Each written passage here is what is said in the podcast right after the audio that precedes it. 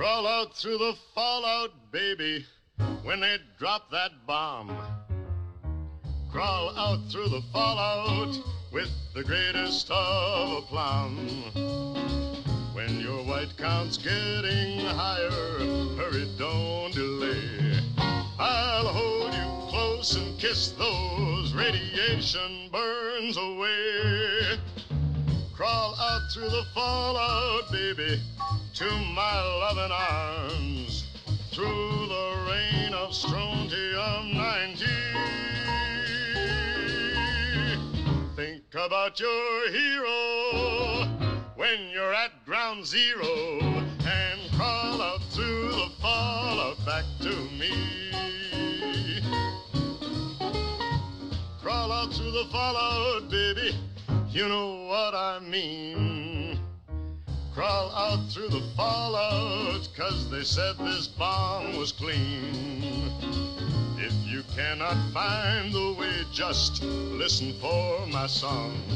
I'll love you all your life, although that may not be too long. Crawl out through the fallout, baby, to my loving arms, while those ICBMs keep us free. When you hear me call out, baby, kick the wall out and crawl out through the fallout back to me.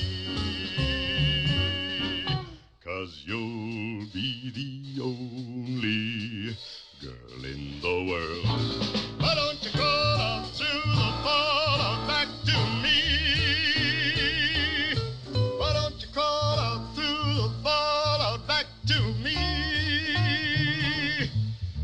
Don't you crawl out through the fallout back to me?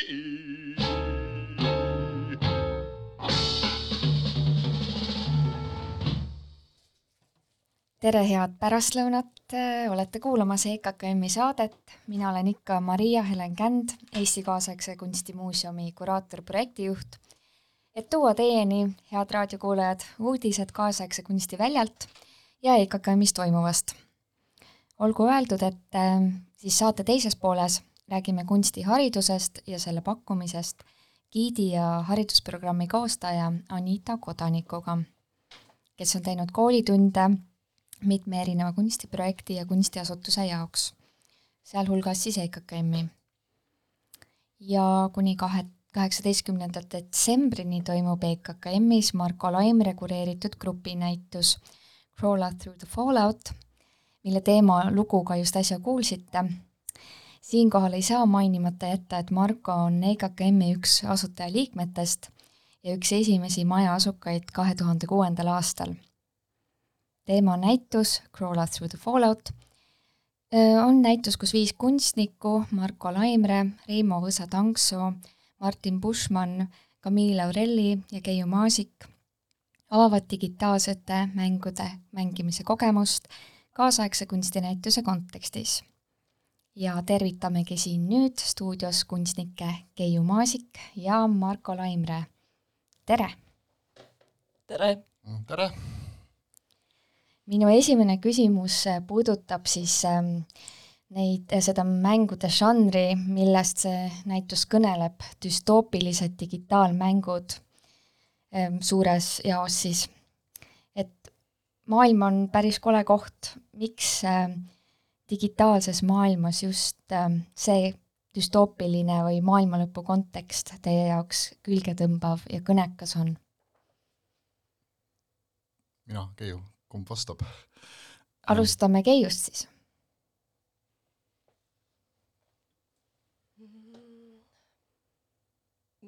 Mina jõudsin selle teemani läbi relvade põhiliselt äh,.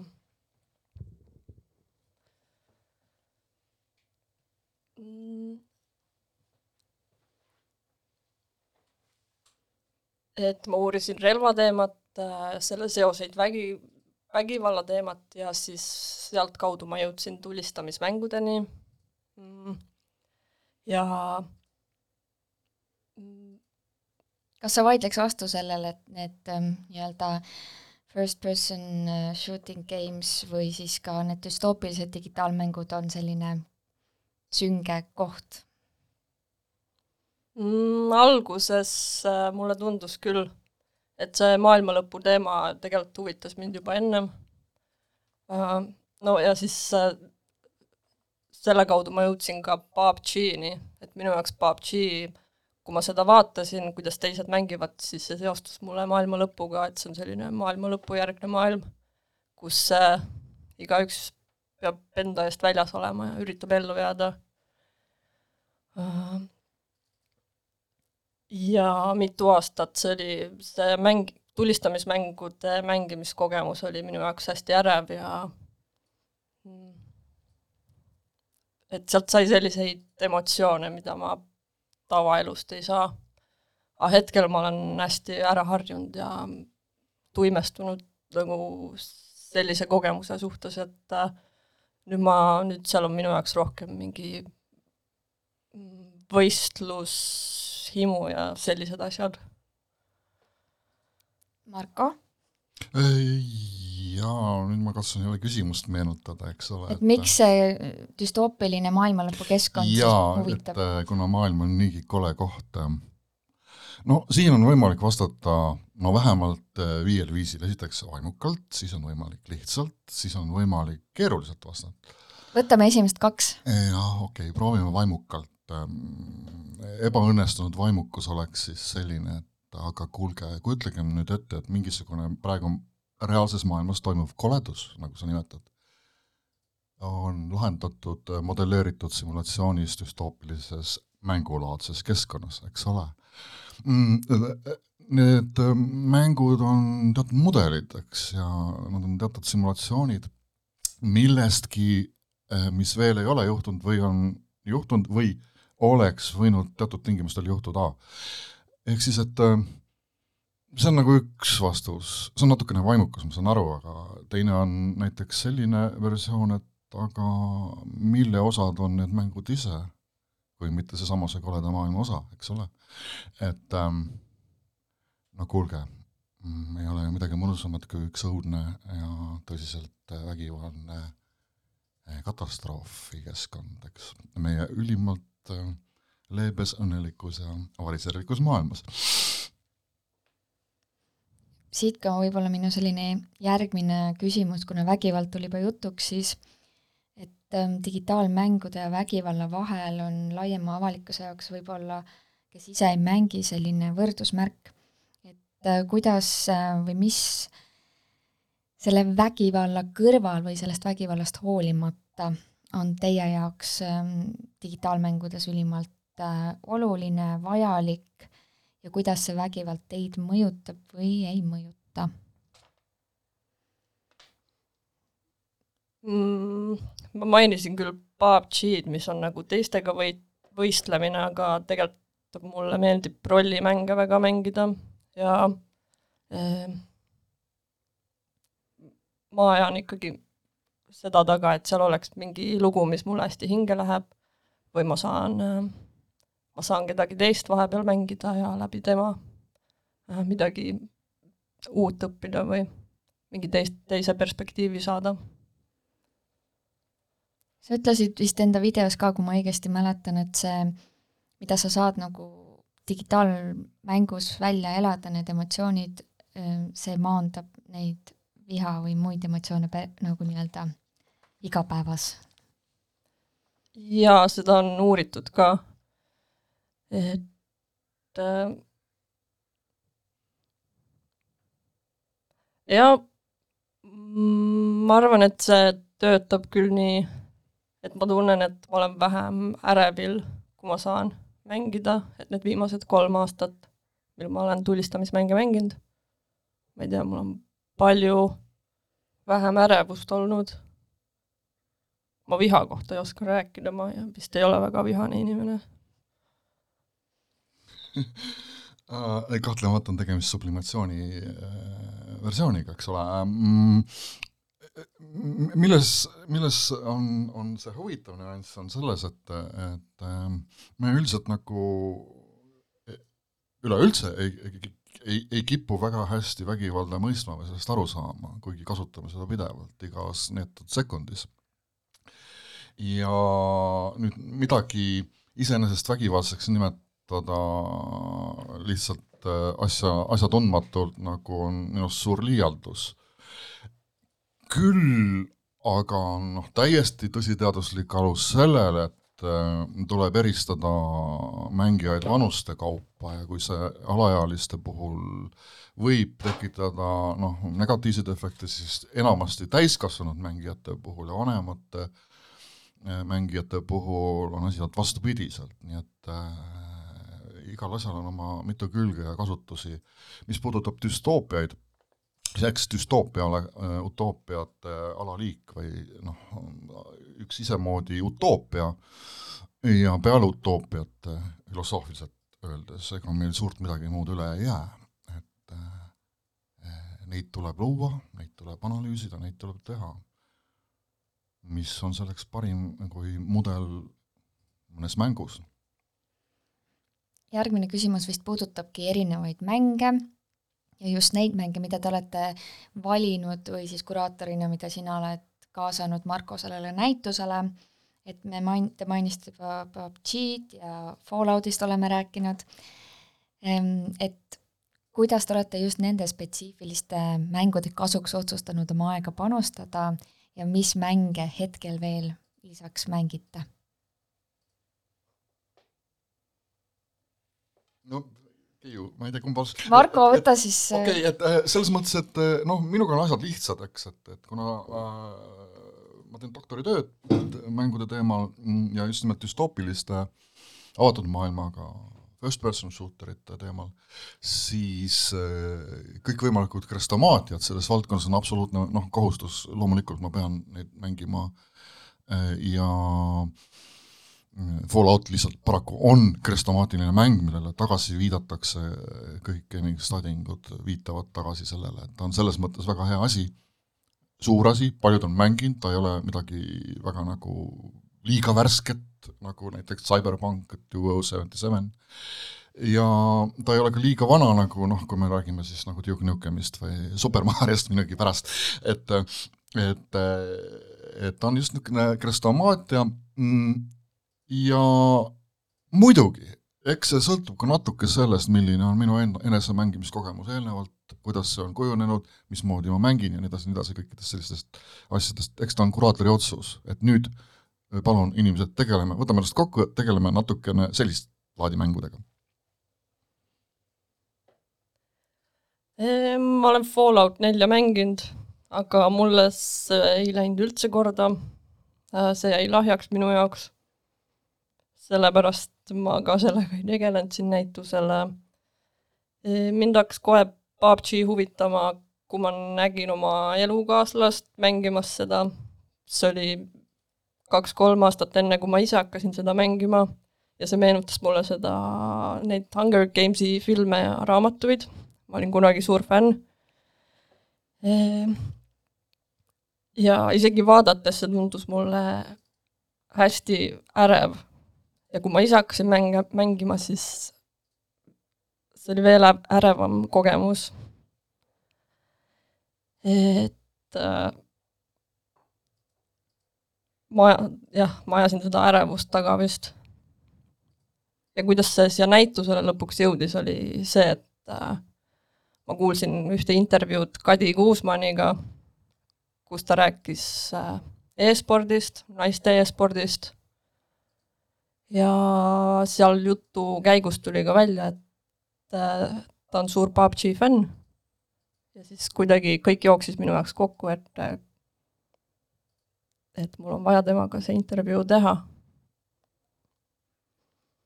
sinu teos on sellel näitusel ka, võiks öelda, et publikut juba, publiku südame võitnud. võib-olla sa korraks lühidalt ähm, teed reklaami või mainid siis, mis selle mm, videointervjuu ähm, põhikese on, äh, kuigi sa juba natuke puudutasid seda?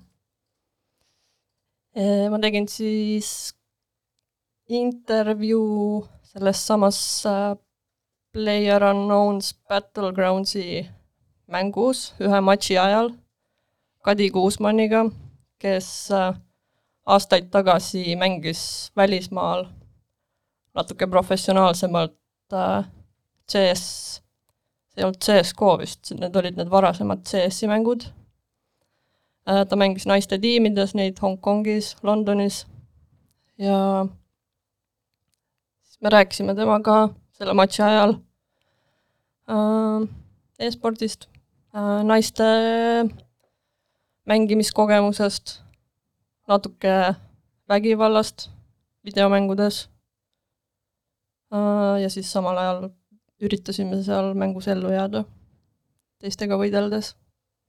Marko, mis sulle Keiu teoses no, meeldib? no,? kuulge, see on nii vaimustav, kujutate ette, et äh, keegi, no minu pärast ajakirjanik läheb mõne äh, naisvõrkpalluriga intervjuud tegema ja siis nad mängivad võrkpalli ja samal ajal nagu te, teevad intervjuud, et kuidas see võrkpalli nagu mäng käib, et selles mõttes noh, noh, kui, kui see ei võlu, siis ma ei tea, mis peaks võluma üldse, et äh, loomulikult mind huvitas muidugi eelkõige formaat, kui noh, et, et kuidas see üldse nagu noh, see tundus minu jaoks nagu päris hea ja geniaalne lahendus, kuidas äh, rääkida asjadest äh, ja mm, noh,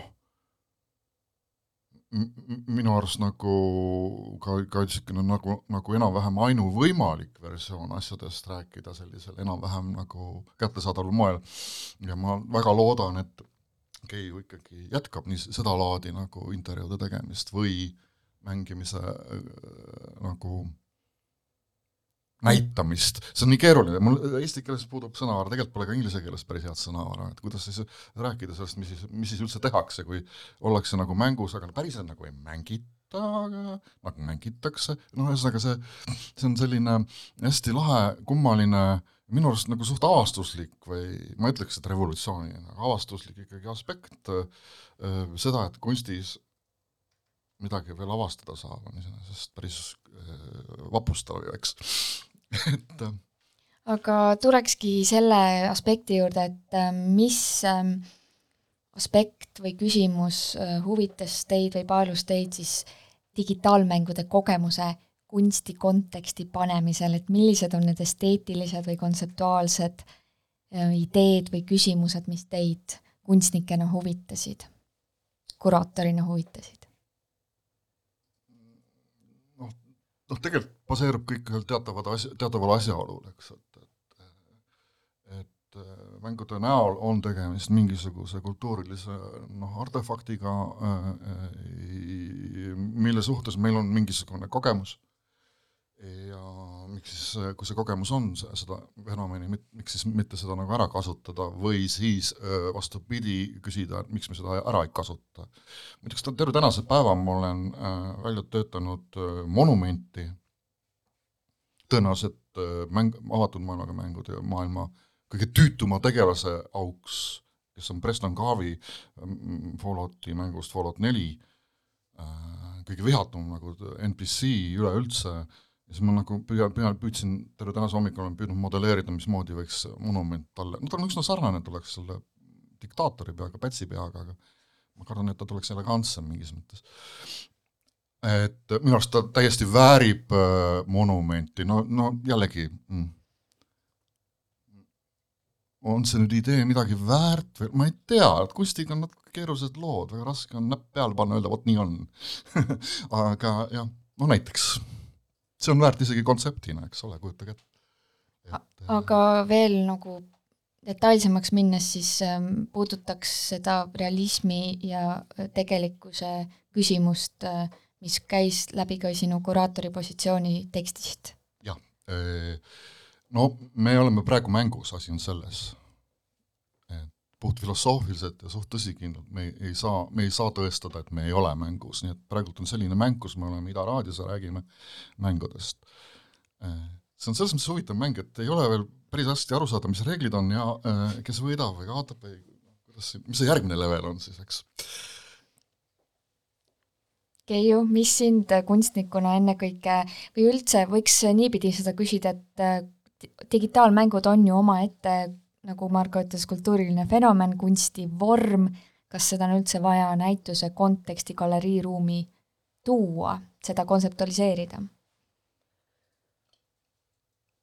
on küll, sest äh, mina ei võta mänge kui mingit äh, ma ei tea, objekti, mida sa tarbid või mingi saad sealt elamusi, vaid minu jaoks on need muutunud nagu keskkonna, keskkonnaks, kus inimesed suure osa ajast elavad ja tulevikus arvatavasti veel rohkem hakkavad elama. et sellest, ma ei tea, sellest tuleb ju rääkida, mis seal toimub ja nagu sellest saab päris elu osa tulevikus. et see on lihtsalt üks uus keskkond, kus me elame ja kõige naljakam sealjuures veel see, et nagu enamus elavad keskkonnas, mis on pupikukujuline Minecraftis, eks siin on päris palju huumorit sees, et et aga, aga, aga nii on jah, et see on selline pool elu tõepoolest, et ja kõik, mis on elus, on kunstis täpselt samamoodi ja vastupidi. aga kuivõrd te olete just fotokunstnikud, siis milline või milliseid võnkumisi, selliseid omavahelisi ägedaid, huvitavaid, intrigeerivaid seoseid te näete fotomeediumi ja siis digitaalmängude vahel või sees? avastused, eks ole, et minu avastus, kui ma nüüd tõsisemalt hakkasin äh, ise tegelema siis dokumentaalfotograafiaga seal konkreetselt ühes mängus, äh, Cyberpunkis, Äh, minu avastus oli see, et ma näen sama palju vaeva või isegi natukene rohkem vaeva pean nägema ja näen äh, selle ühe noh, lõpliku kaadri tegemiseks, kui ma ka reaalselt fotograafina teen.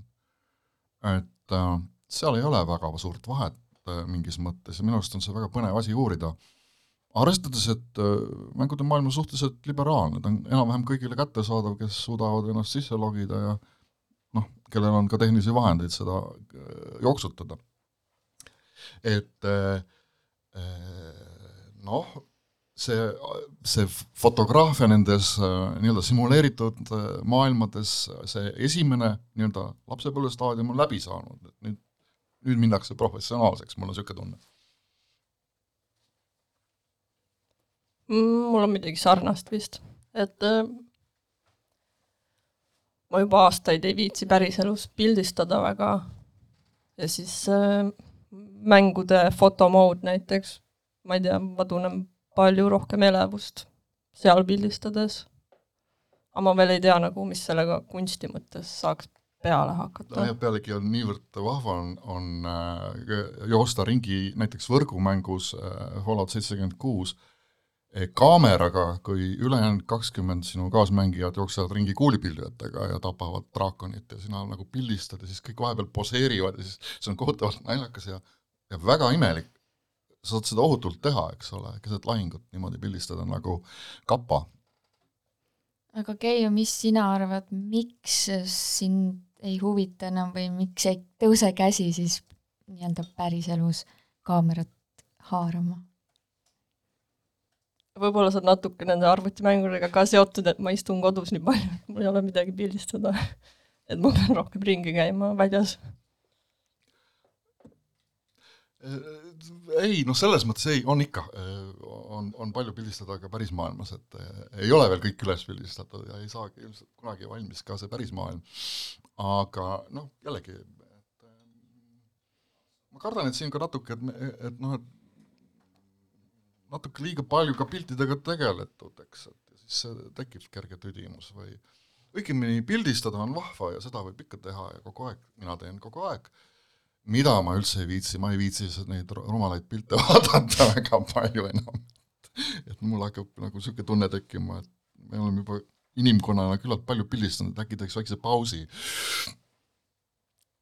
aga mm, minnes ähm, siis selle, ütleme, mängu, mis tahes mäng see ka siis ei oleks, põhiliini juurde, mida kutsutakse siis main quest'iks või see põhinarratiiv, siis ma olen aru saanud, et äh, selles Fallout mängus ähm, Marko, võib-olla sa täpsustad, on see üsnagi selline primitiivne ähm, narratiiv, mis seda, seda, see algsituatsioon seal on, et äh, võib-olla räägi natuke sellest korraks meile. Jaa, no, no selles mõttes, et ega noh, noh, mis on primitiivne narratiiv, eks, nüüd see asi läheb natukene liiga, ma ei ole valmis seda lihtsalt rääkima. asi on selles, et, et see, see, see tunne on, et, et äh, nagu ikka äh, erinevad meediumid ja erinevad just nimelt kultuurilised fenomenid, eks äh,, eks neil ole ka oma noh, arenguperiood ja äh, ja nüüd noh, tagasi vaadates on võimalik ju selgelt teha vahet sellele, et kuidas kaheksapitilised äh, mingi, mingi plõgistamine on muutunud no kolmedimensiooniliseks ülereaalsuseks, et äh, äh, noh, seda ütlen, ehk samane asi on ju noh, juhtunud ka narratiividega lõppkokkuvõttes, et ülimalt lihtsad kahe, kahe dimensioonilised nagu A pluss B võrdub see, narratiivid on muutunud väga keeruliseks ja põnevaks. samas on tähelepandav lihtsalt see, et nagu põhinarratiivid või see, mille ümber mm, nii-öelda see ülejäänud kala ehitatakse, mängud, et et need kõrvalülesanded ja seal igasugused lood ja need on nii äh,, niivõrd palju huvitavamad, põnevamad ja noh, catchy mad sõna otseses mõttes, eks ole, kirjanduslikus mõttes, et see põhinarratiiv tihtipeale juhtub nagu väga väga, väga lahjaks jääma sealjuures. aga mm, see peab olema, eks ole, kahtlemata. teine asi on see, et siin oli see küsimus, mul tuli meelde nüüd, et fall, et miks Fallout. Falloutis on just nimelt see kohutavalt nagu lahe omapära, et see on kõik kohutavalt segane. lõpuni ei ole seda vist keegi läbi närinud ikkagi, mis seal nagu, nagu toimub, seal on nii palju informatsiooni, nii palju ristuvaid äh, liine, nii palju noh, ühesõnaga, ja selles, see on ka isegi nii, nii segane, et isegi äh, mängu enda Vikipeediast ei ole suurt kasu, et et kohati on ikka, ikka, ikka, ikka selgub pärast nagu päevi ja kuid kestnud mängimist, istud kuskil nurga peal ja mõtled, et oot, aga mis nüüd see siis tähendab. et noh mm,, nii juhtub, see on lihtsalt nagu kiitus sellest, et mängud on muutunud, nad on läinud tihedamaks, keerulisemaks, Shakespeare'i aeg on tulekul, eks ole, ma tahan seda öelda noh, näiteks toon teile väga hea näite, õigemini ma ei tea, kas see on hea näide, aga no kujutage ette, meil on mingisugune hüpoteetiline põhinarratiiv, aga ma ütlen selle narratiivi esimese alguse. et noh, esimene algus, kuidas mäng algab, hüpoteetiline mäng, et kui Arno isaga koolimajja jõudis, siis olid kõik surnud. no ja põhinarratiivi me ju teame, eks ole aga kui palju erinevaid liine saab siit tuua, eks? mulle meeldiski Keiu videoteoses ähm, välja käidud idee, et äh, varsti on võib-olla kirjandustundides raamatute asemel ähm, interpreteeritakse ja analüüsitakse siis digitaalmängude lugusid ja neid narratiive. et Keiu, mis sinu jaoks teeb ühe hea digitaalmängu narratiivi? Või puudutava loo, nagu sa ütlesid ennist? ma veel ei oska vist sellele näppu peale panna, et äh, ma hetkel tunnen, et äh, et seal on nagu, seal on suur osa sellel, kuidas seda asja edasi antakse, mingi heli ja kuidas need kõik asjad kokku tulevad. et see on ülitähtis, et sul võib hea lugu olla, aga kui sa ei oska seda seal edasi anda, siis see ei puuduta mängijat. ja siin on see trikk, et, et mis on hea mäng, äh, hea narratiiv ei tee head mängu, et hea mäng on kompleksselt kõik, väga palju muid aspekte, eks, et sul võib olla väga nõme ja halb narratiiv, aga mäng võib olla väga mängitav ja hea. ja täiesti ka vastupidiseid juhtumeid on, et et see, see jah, et ainult narratiivile taandada ei saa ja on äh, non-narrative games väga suur osa, eks ole, kus ei ole üldse mingit narratiivi, vaid on pigem gümnastika vist või mingit sorti võimlemine. Äh, ja nad on ikkagi väga mängitavad ja kõik mänguaspektid on suurepärased, äh, äh, on üks keeruline nähtus, see mängude maailm. Nüüd hakkame otsi kokku tõmbama, aga ma küsin siia lõppu ühe sellise provotseeriva küsimuse võib-olla ennekõike, Marko, sinu käest, aga ka Keiu, äh, palun mõelda kaasa, et ähm, miks peaks tulema sellele näitusele KKM-is äh, Crawl Through the Fallout inimene, kes ise võib-olla pole mitte kunagi ühtegi digitaalmängu puutunud ega ei tea arvutimängudest midagi? miks on see oluline aa, see ei ole min-, minu jaoks kui kuraatori jaoks ei ole see üldse oluline, et minu pärast võib ta rahulikult kodus istuda ja mitte midagi ei juhtu maailmas, et kunst on no sa ei tee ju seda endale, seda näitust, sa teed seda ikkagi jaa, inimestele. äh, vabadus mõelda, vaadata, kritiseerida, koguda, teha seda, õppida ja nii edasi, kõik, kogu komplekt, eks. Seda ei pea tegema. nii et sa just lasid käest võimaluse rõhutada, miks seda näitust peaks nägema. ei pea. Keiu, kas äh, sul on teistsugune arvamus? mm,? Võib-olla seesama teema, et äh, ma ei tea, kas Marko teab peast statistikat, et mitu protsenti maailmast mängib, aga no palju, et mm, et äh, väga paljud inimesed, suur osa maailmast mängib ja võiks võib-olla teada selle teema kohta. Mina olen igatahes saanud väga palju targemaks selle näituse jooksul äh, ja hea meelega alustan ise ka ähm, peatselt mõne mänguga katsetamist. aga aitäh, et te tulite, Marko ja Keiu ja näitust Crawl Out Through the Fallout saab veel EKKM-is vaadata siis kaheksateistkümnenda detsembrini. ja nüüd kuulame vahelduseks ühte muusikapala Andres Lõo uuelt siis EP-lt Can See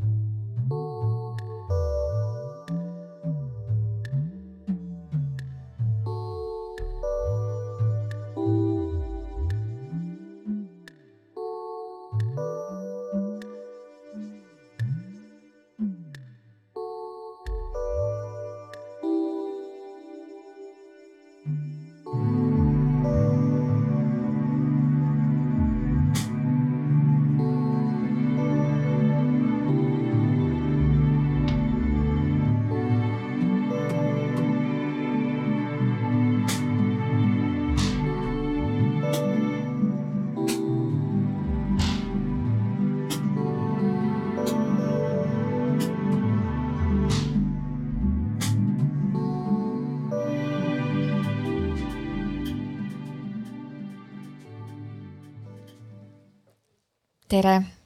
teises saate osas on minuga Anita Kodanik, kes on siis äh, haridusprogrammide spetsialist, väljamõtleja ja haridustundide läbiviija. räägi, Anita, et ähm,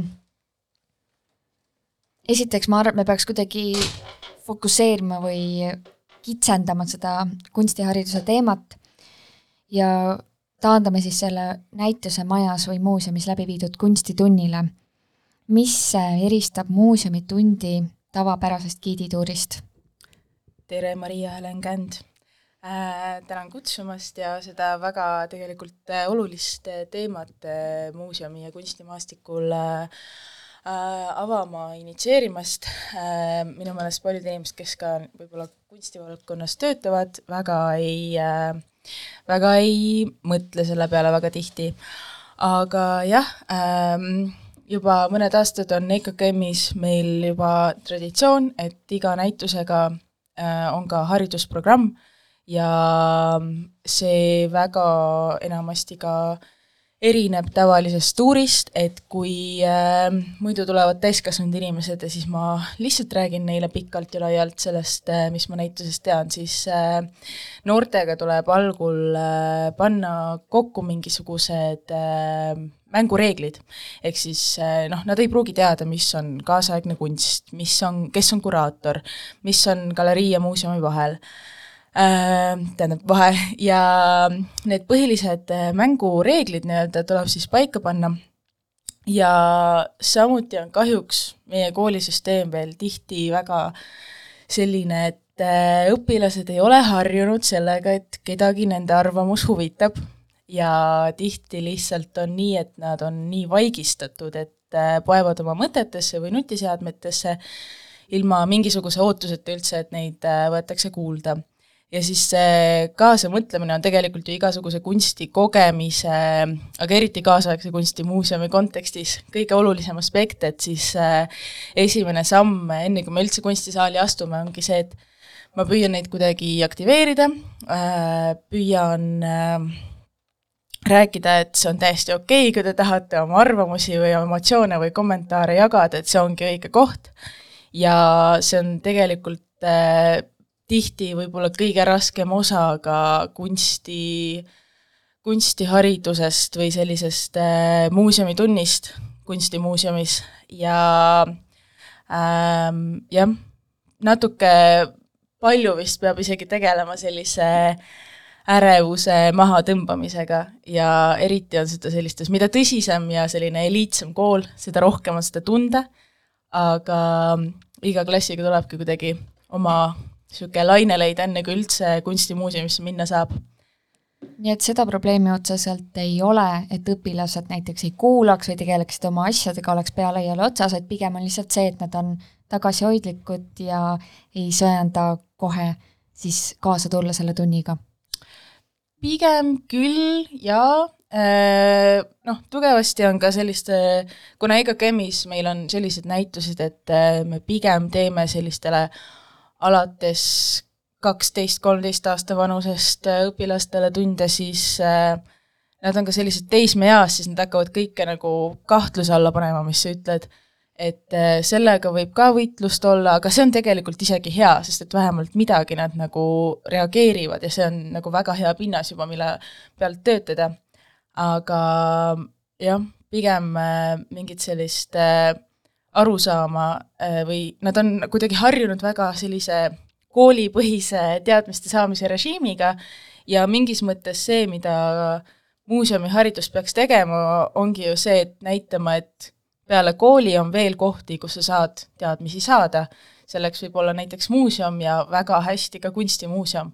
ja ma arvan, et üldse meie selliseks suureks eesmärgiks kõikide nii-öelda muuseumi haridustöötajatel on ka see, et luua muuseumis käimise harjumust, et, et järgnevad põlvkonnad, ka kui nad täiskasvanuks saavad, omaksid harjumust kultuurist osa saada käia regulaarselt erinevatel näitustel, olenemata sellest, kas sa oled siis nii-öelda kunstiinimene või mitte kunstiinimene, et see kuidagi ette valmistab võib-olla, valmistab ette pinnast meie tulevastele kunstimaastiku tegelastele, sest et kellele nad lõpuks ikkagi teevad neid muuseume. Ja kui muuseumis käimist äh, alustada juba maast madalast, siis äh, kuidas erineb näiteks, kas, kas sul on kokkupuudet ka lastetundidega muuseumites või näitustel, et kuidas äh, toimib nii-öelda lastetund ähm, võrreldes näiteks siis sellesamuse gümnaasiumitunniga? ja no mina tegelikult kunagi ei arvanud, et ma hakkan just muuseumiharidusega tegelema, aga, aga kui sa EKA-s kunstiteadust õpid, siis tihti on bakas see selline esimene kuidagi samm töö, tööle asumisel, et sa oled kas giid või siis teed muuseumitunde. Ja siis ma pikalt tegin ka eh, EKM-is äh, kunsti ähm, kunsti siis muuseumitunde. Ja seal tõesti käisid päris väiksed lapsed ka meil näiteks Niguliste muuseumis. Ja noh, selles mõttes täiesti füüsilise loogika järgi, et noored lapsed, noored inimesed väikesed inimesed ei suuda näiteks äh, püsti seista kaua või kuulata sind kaua ja siis on täiesti okei okay,, et sa ei vaata nendega kogu näitust. sest et muidu neile lihtsalt jääb meelde see väsimus sellest tuurist, aga sa näiteks võtad ette ühe konkreetse teose ja räägid sellest pikemalt ja laiemalt ja siis te tegelete sellega ja see, kui nad saavad kuidagi suhestuda selle uue ja hästi võõra ja võib-olla hästi ebamugava ruumiga, kuhu neid toodi, see on ju tegelikult äh, siis lõpuks ka see, et nad suhestuvad nende kunstiteostega, mis seal ruumis on ähm,. ja selle kaudu ka õpivad ja jätavad meelde endale mingeid asju või lihtsalt neile jäävad mingid toredad mälestused ja nad ei peagi võib-olla terve semestri jagu mingeid teadmisi sellest ühest muuseumikäigust saama, et nad saavad selle ühe mälestuse, et muuseum ei ole mingisugune igav vanainimeste koht, vaid muuseum on koht, kus, kus mind kuulatakse ja võib-olla kuulatakse isegi rohkem ka õpetajakoolis. ja siis nad võib-olla tulevikus tulevad suure tõenäosusega tagasi ka. ja noh, gümnaasiumi puhul on juba täiesti luksus see, et sa saad täiesti väga olulistel teemadel rääkida ja see on väga lahe märgata, kuidas teinekord noh, kuna kaasaegne kunst tegeleb kaasaegsete probleemidega, siis sa näed, kuidas teinekord äh, gümnaasiumiõpilased tulevad ja kõige ilusam on see, et kui nad lähevadki käima ja hakkavadki rääkima nendest teemadest kaasa, nagu näiteks praegu on meil äh, Marko Laimre videomängude näitus, siis tavaliselt noh, kui ma küsin, paljud teist mängivad, siis üle poolte tõstavad käe, aga nendega, neil ei ole mingit platvormi sellest rääkida, kuigi see on nii suur osa nende elust. ja seda on näha ka, et neil on meeldiv sellest rääkida või siis äh, alati on üllatav vaadata, kui teadlikud on äh, nooremad põlvkonnad tehnoloogiast või, või kliimakriisist, et äh, nad äh, lähevad väga hästi tegelikult nende kaasaegsete teemadega kaasa ja ma arvan, et võib-olla muuseum võikski pakkuda mingit tuge millegi sellise arutamisel, mis võib-olla ei mahu tavalisse kooliprogrammi või ei mahu kuidagi õpiku vormi, aga samas on mingi teema, mis meid kõiki inimesi saadab. ja see ongi hea koht sellest rääkimiseks. Ja ma arvan, et see on ju ka suures laastus see, mida kunst teeb. Et äh, me saame tegeleda asjadega, millest me rääkida ei oska. Aga mis, mis on see väljakutse või ma kujutan ette, et see on väljakutsuv, et tegeleda, avada, olla noortega võib-olla sellisel näitusel, mis on üdini kontseptuaalne, täis mitmeid kihte. kuidas sa lahendad sellisel juhul muuseumitunni, et see ei saaks, ei muutuks ainult sinu selliseks monoloogiks?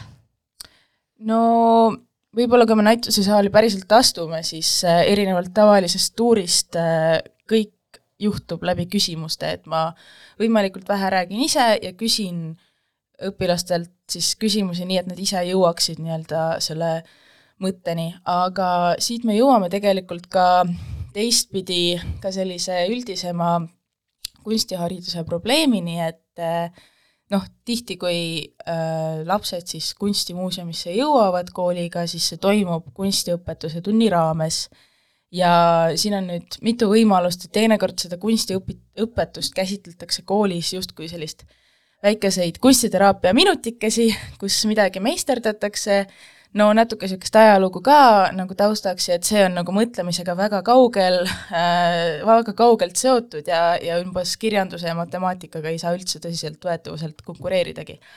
et äh, tihti ka kunstiõpetajad kurdavad väga, et äh, jaa, et meile ei anta piisavalt aega või ei prioritiseerita seda kuidagi, et väga lihtsasti jäetakse tunde ära või ei ole mingit äh, võimalust äh, muuseumisse tulla, et seda on nagu väga kurb vaadata, sest et siis ei teki ka noortel seda noh, teadmist, et, et muuseum on tegelikult selline mõtlemise koht ja, ja kunstinäitus on selline mõtlemise koht, mitte lihtsalt see, et me tegeleme mingisuguse kunstnike eneseväljenduse ja emotsioonidega, seda ka muidugi, aga aga siis tulebki selle lühikese muuseumi tonni jooksul seda tegemata tööd teha ja rääkida, et äh, nüüd on see hetk, kus me mõtleme koos ja, ja see ei toimu absoluutselt nii, nagu te seda olete võib-olla harjunud tegema.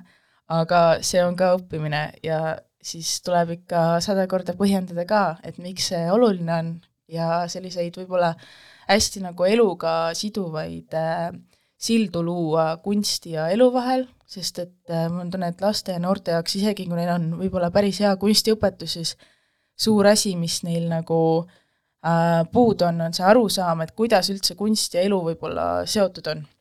ja see on see, millele kaasaegse kunsti puhul on tegelikult väga lihtne näpuga osutada, et näed, siin on kaasaegsed teemad, mis puudutavad seda sinu elu, mida sa elad äh,, siin on üks vahend nendest rääkida ja see on võib-olla palju lõbusam vahend kui see, et sa loed kuskil õpikut või sa oled kuskil arhiivis, et see on päriselt lahe vahend, nii et palun kasutame seda nüüd koos.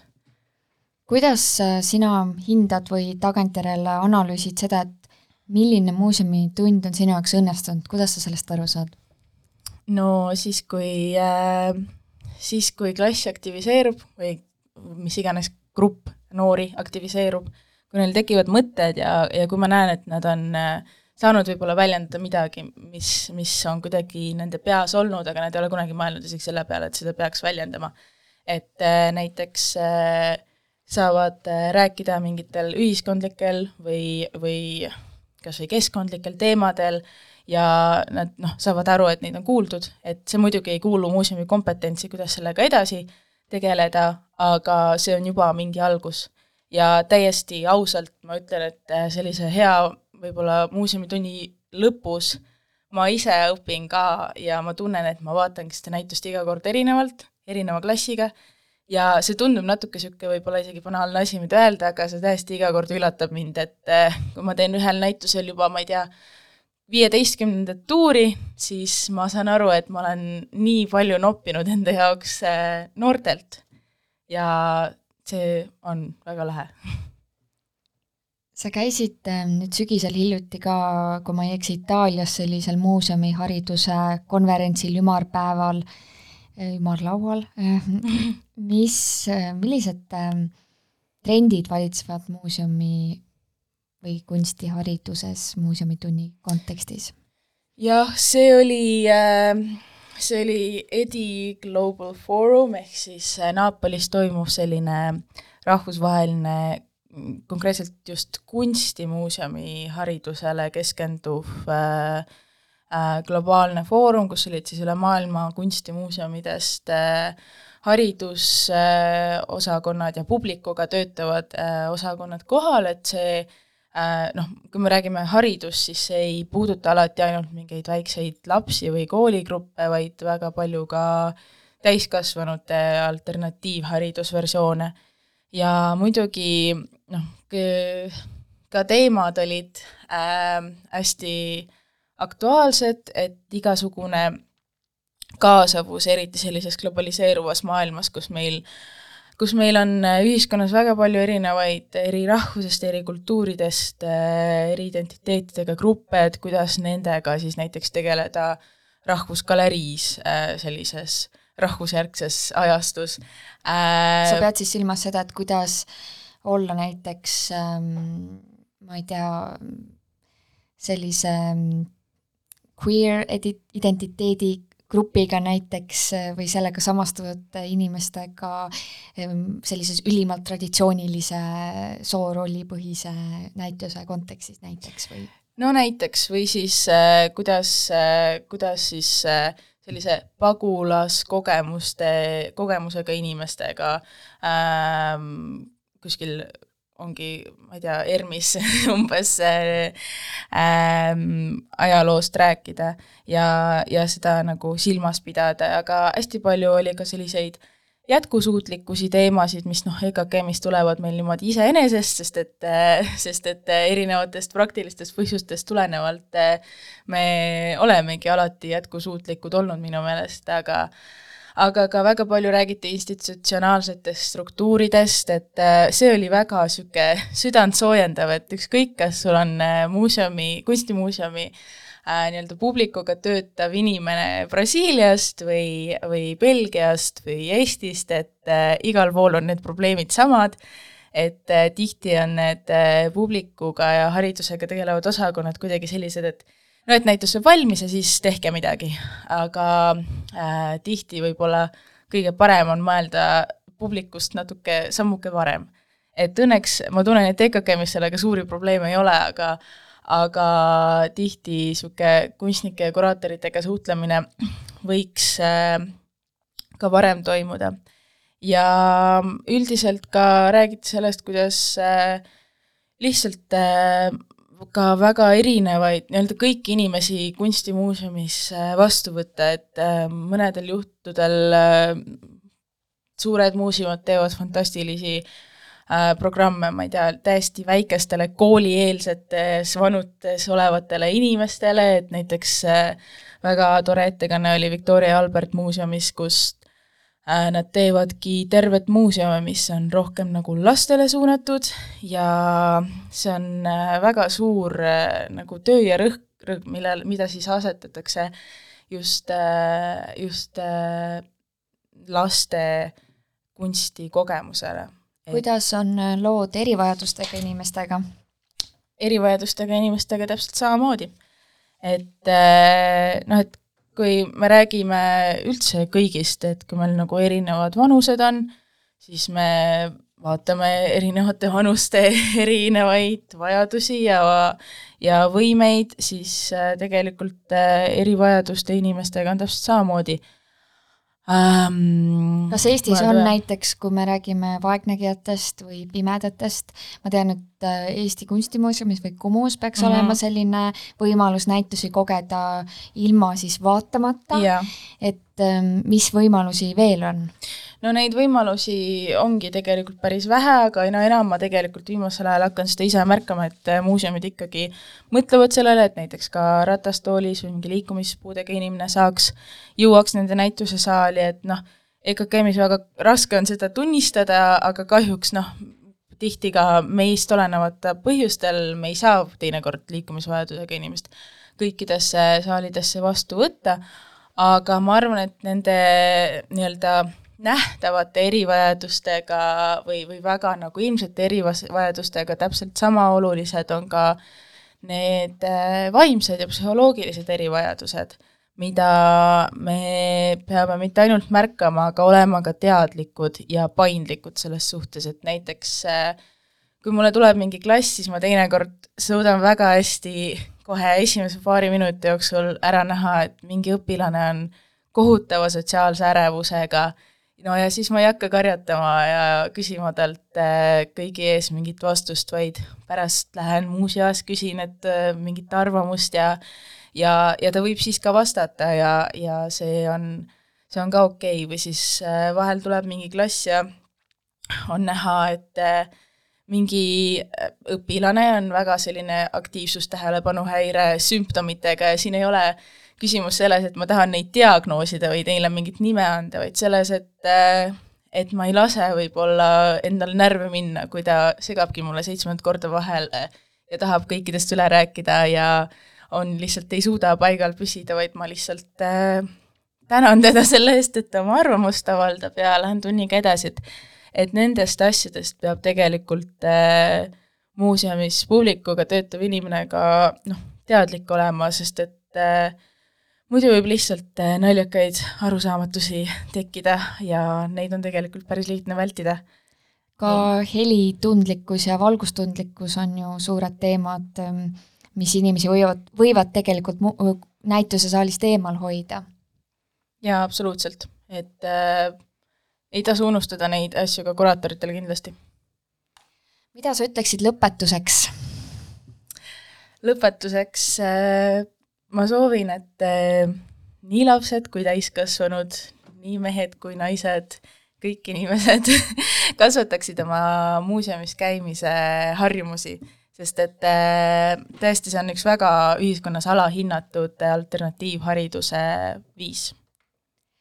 aitäh! Aitäh sulle, Anita, ja meie lõpetame tänase saate, ootame teid siis äh, nii EKKM-i kui ka teistesse kunstimuuseumitesse, kunstitundidesse ja lõpetuseks kuulamegi Florian Vaali lugu Outsider, mis sobib ideaalselt siis sellesse digitaalmängude konteksti, kui sa tahad maailmast natuke eralduda ja olla kuskil mujal.